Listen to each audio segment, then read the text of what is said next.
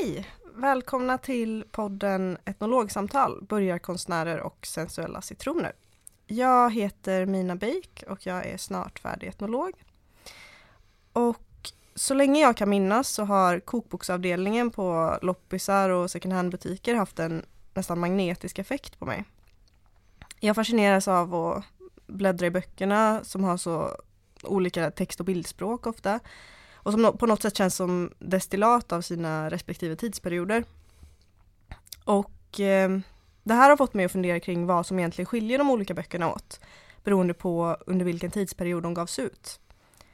Och någonstans där så har mitt intresse fötts för kokbokens potential som samtidsdokument. I höstas så skrev jag en kandidatuppsats som har det långa namnet Börjarkonstnärer och sensuella citroner en analys av hur samhälleliga individualiseringsprocesser tar sig uttryck i kokböcker. Och eh, nu så vill jag gärna ta resultatet från min uppsats vidare lite grann och fortsätta diskutera de här frågorna med personer som har lite andra erfarenheter och perspektiv. Och eh, då kom jag genast på att en podd vore en bra idé. Tanken är inte att vi specifikt ska diskutera bara kokböcker utan snarare vad mat kan fylla för funktioner för människor idag, vilket då i sin tur kanske tar sig uttryck i kokböckerna. Eh, och podden kommer vara uppdelad i tre korta avsnitt med varsitt tema. Men eh, först så tänkte jag presentera dem som medverkar. Ehm, Anna Burstedt, du är etnolog och du är snart färdig med din avhandling Matkultur på menyn och eh, jobbar också som studievägledare på institutionen för kulturvetenskaper här i Lund. Mm. Och Håkan Jönsson, du är också etnolog, forskare och har riktat in dig på just mat och måltidsforskning. Din avhandling kom 2005 och heter Mjölk, en kulturanalys av mejeridiskens nya ekonomi. Välkomna! Tack så jättemycket! Tack, tack! Eh, jag skulle vilja börja med en reflektion eh, som också min uppsats inleds med. Eh, Sverige är nu det land där det ges ut flest kokböcker per capita. Över 400 stycken per år faktiskt. Och samtidigt så lever vi ju i en digitaliserad värld där nästan alla recept går att hitta genom en enkel sökning på internet. Det verkar alltså som att vi ger ut fler kokböcker än någonsin i en tid när vi kanske egentligen rent praktiskt behöver dem som minst. Och det pratas ju ofta om att vi lever i ett allt mer individualiserat samhälle. I min uppsats så skrev jag om att det här individualiserade samhället också skapar individuella sätt att använda mat på. Mm, mat är inte kanske främst näring utan mat är också någonting som används för att till exempel bekräfta en livsstil man lever. Och det här gör att kokböckerna blir mer nischade tänker jag. Det finns LCHF-kokböcker, det finns kokböcker för korvnördar, det finns kokböcker om kål, och mackor, det finns jättemånga kokböcker skrivna av folkkära artister och tv-personligheter. Och eh, det här avsnittet kommer att ha temat maten som livsstilsmarkör. Och då tänkte jag fråga er, eh, vad tror ni? Är dagens kokböcker fortfarande instruerande receptsamlingar eller är de snarare livsstilsböcker? Mm. Eh, först och främst så håller jag helt med dig om det här med att gå på loppisar och bläddra i kokböcker. Det är en passion jag har, jag tror delar också med Håkan. Mm. Att vi har oändliga mängder kokböcker hemma i bokhyllorna. Ja. Särskilt när man hittar liksom en sån här väldigt gammal bok från 60-talet med 60-tals typsnitt som heter Framtidens mat så känner man mm. liksom det här är, det är verkligen ett eldorado liksom. Det måste man, måste man köpa Framtidens mat så som framtiden ser ut 1960. Mm. Det är fint. Mm. Mm. Mycket rymd och sånt generellt tycker jag. När man tittar ja. på i olika 60-tals framtidsskildringar. Ja, det är rymden och det är alltid en framtid som inte kommer att finnas ja. Eh, på det sättet. Men då du säger att en livsstilsmarkör eller att det inte är instruktionsböcker, det är intressant om man ställer de två mot varandra. Mm. Eh, på kokböcker idag är inte så mycket instruktioner utan det är mer inspiration, eh, tycker jag. Samtidigt som matkunnandet kanske har minskat så att det kanske är instruktionen vi behöver. Um, men att, det, att ges ut så många böcker tycker jag är så intressant därför att det, det, idag är det ju snarare de som ger ut dem det handlar snarare om de som läser dem tycker jag. Mm. Att alla, alla ska ge ut en kokbok. Varför har det nästan blivit en mänsklig rättighet? rättighet? eh, och vad, det säger ju någonting om att det är någonting att alla har ett förhållande till mat och man vill också förmedla den vidare. Om man nu tar det i termer av det individualiserade samhället eller inte. Att man ska, alla ska sälja någonting genom mat.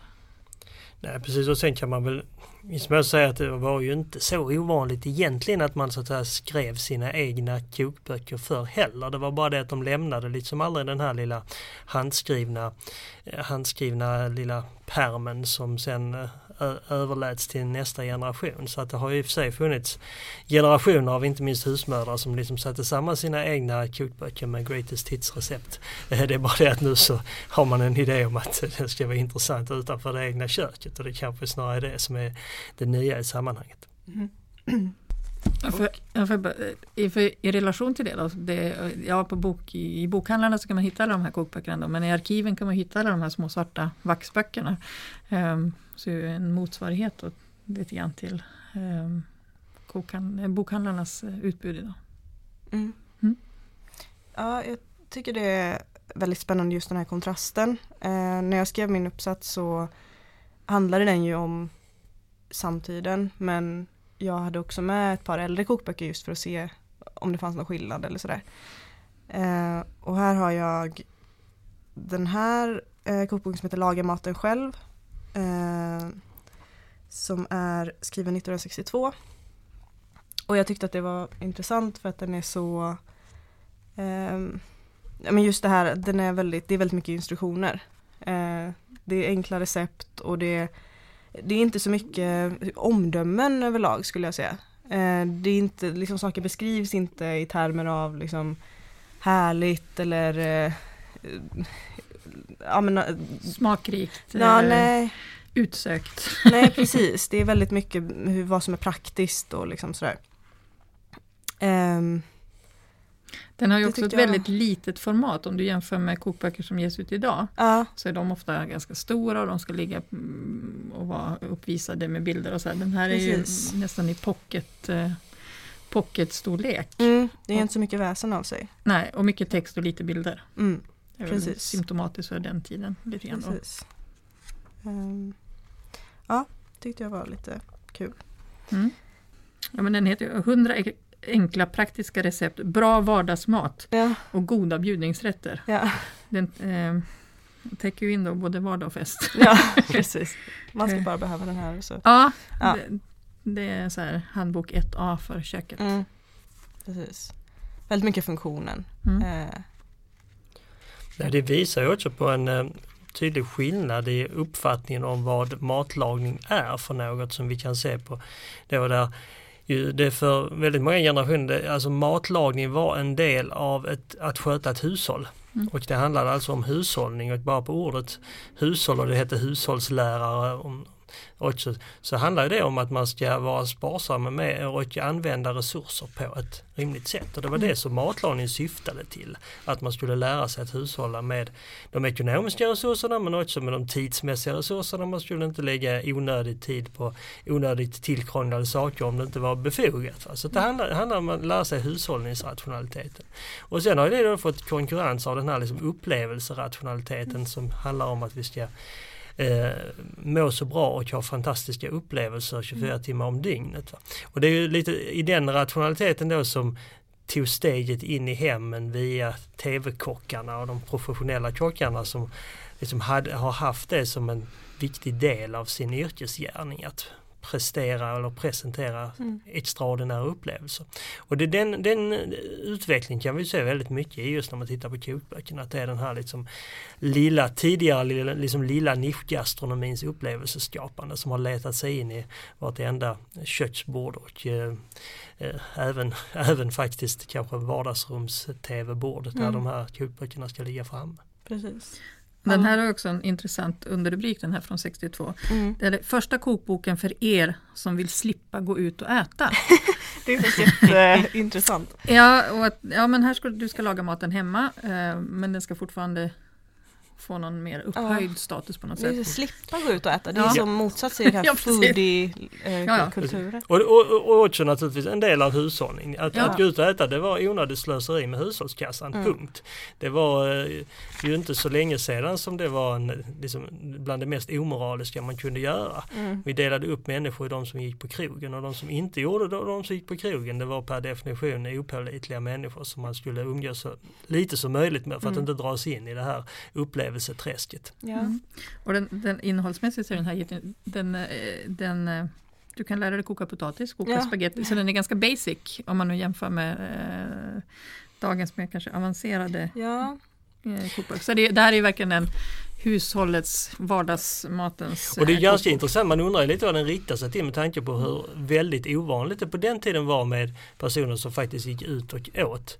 Eh, möj mm. Möjligen fanns det gatukök och annat som speciellt unga män då som nyligen hade flyttat hemifrån kunde möjligen gå ut och äta men annars så var det ju en väldigt ovanlig praktik mm. att äta utanför hemmet. Så att Mm. Det kanske, frågan är, man kan ju fråga sig lite vem målgruppen är men antagligen är det en äldre kvinna som varit upprörd över ungdomens slöseri när hon har gått förbi det lokala gatuköket. Ja, Margit Engnes heter författaren, ska man kanske säga också. Det, det, står faktiskt på baksidan att eh, Laga maten själv är den idealiska kokboken för den unga nygifta frun, för ungkaren, för tonåringen som fått en egen lya. Ja, kort sagt för alla som vill ge sig i kast med matlagningens lockande problem. Mm. Jag tänkte också ungkarlar var nog en, en, en, målgrupp, de som inte hade fått med sig. Mm. Eh, och kanske unga kvinnor då som fortfarande eh, kände sig osäkra. Mm. så att säga. Eh, men visst, den uppmanar ju till att laga hemma och inte gå ut och äta. Det var, eh, det kanske eh, Margit då, någonting man inte skulle göra. Nej. Men jag tycker också det är intressant med den här parallella trenden, för vi, vi pratar om det här med upplevelser nu mm. idag. Men samtidigt så finns det ju också någon slags vurm för att gå tillbaka till liksom långkok och att, att det finns någonting som anses vara fint i det att ha den tiden, liksom, kunna lägga på det. Eh, att jag ser det som två parallella trender på något sätt. Eh, mm. Vad tänker ni om det? Ja, men tid har ju blivit en, det är en statussymbol mm. i, när det kommer till mat. Att, eh, tid och kunskap för det är inte bara, du ska kunna ha tid att göra de här långkoken eller eh, surdegsbrödet eller brygga ditt eget öl eller vad mm. det nu kan vara. Eh, men du ska också kunna göra det. Mm. Eh, alltså ha kompetensen och kunskapen om att göra det. Och då är det inte att du ska ha det för att du har varit nödgad till det, alltså mm. tvungen att göra det. Utan Precis, det blir ju sig en upplevelse, det blir en upplevelse också. I sig. Mm. Liksom. Eller att gå en kurs i det ja. Till exempel. Precis. Um, så nu har vi ju pratat en del om det men vad Om ni bara skulle dra lite snabbt så vad skulle ni säga är typiskt för vår tid när det gäller hur man använder sig av mat för att skapa en viss livsstil eller bekräfta sin livsstil på något sätt? Det, det, speciella när det gäller det här med, med livsstil och som ibland eh, kanske lite felaktigt egentligen benämns med individualisering. Det är inte så att, att, det är inte så att det jag äter, äter bara jag. Att, eh, för då, då hade vi ätit väldigt mycket mer varierat mm. än vad vi faktiskt gör. Utan det handlar ju snarare om vem vi vill vem vi vill skapa samhörighet med eller markera samhörighet med. Och den stora skillnaden där handlar ju om att det är personer som mycket sällan numera sitter vid samma matbord. Vi går liksom från eh, matbordets gemenskap till en mer eh, platslös matgemenskap där det är mycket lättare att markera samhörighet med, med de som inte liksom finns närvarande just här och nu. Och det är ju det är väldigt enkelt att göra det genom communities på Facebook och annat med andra som har en liknande dietprofil eller tycker samma saker är lika hysteriskt goda som just jag tycker. Mm. Så det är, väl, det är väl där som en, en viktig eh, måste säga, skilje, skiljelinje ligger. Sen är det också så att det finns fortfarande mycket som är likt. Va? Det här med att markera sig själv i relation till andra handlar mycket om att framhäva sin klass och sin status. Mm. Eh, och det kan vi ju, eh, det kan vi se lika mycket i, i historiska kokböcker av som i nutid. Det är med, där är det mer liksom formerna som skiljer sig. Mm. Mm. Jag tror också att just det här att det är intressant nog är en sån viktig markör fortfarande. Eh, vem är jag, vart kommer jag ifrån eller vart vill jag? Ja. Mot vilken gemenskap vill jag markera att jag tillhör eller mm. inte tillhör. Um, är ju fascinerande och också att vi, nu sitter vi här och pratar om kokböcker som mm. vi kan ironisera över den från 62 men samtidigt så kan det finnas böcker som kommer idag som jag kan känna, åh, vilken, den här vill jag ha eller mm. jag skulle verkligen vilja eh, kanske vara en del av den eller laga mer mat ur den men jag hinner, hinner kanske inte. Um, och att det blir också ett sätt att ja, om 50 år är det kanske dags att ironisera över den mm. naturligtvis. Det är svårt att vara kritisk till sin egen tid och sina egna markörer och eh, livsstilsval. Mm. Ja, men eh, kul att få höra era tankar om det här. Eh, vi återkommer med ett annat tema eh, i nästa avsnitt. Det får ni lyssna på. Tack!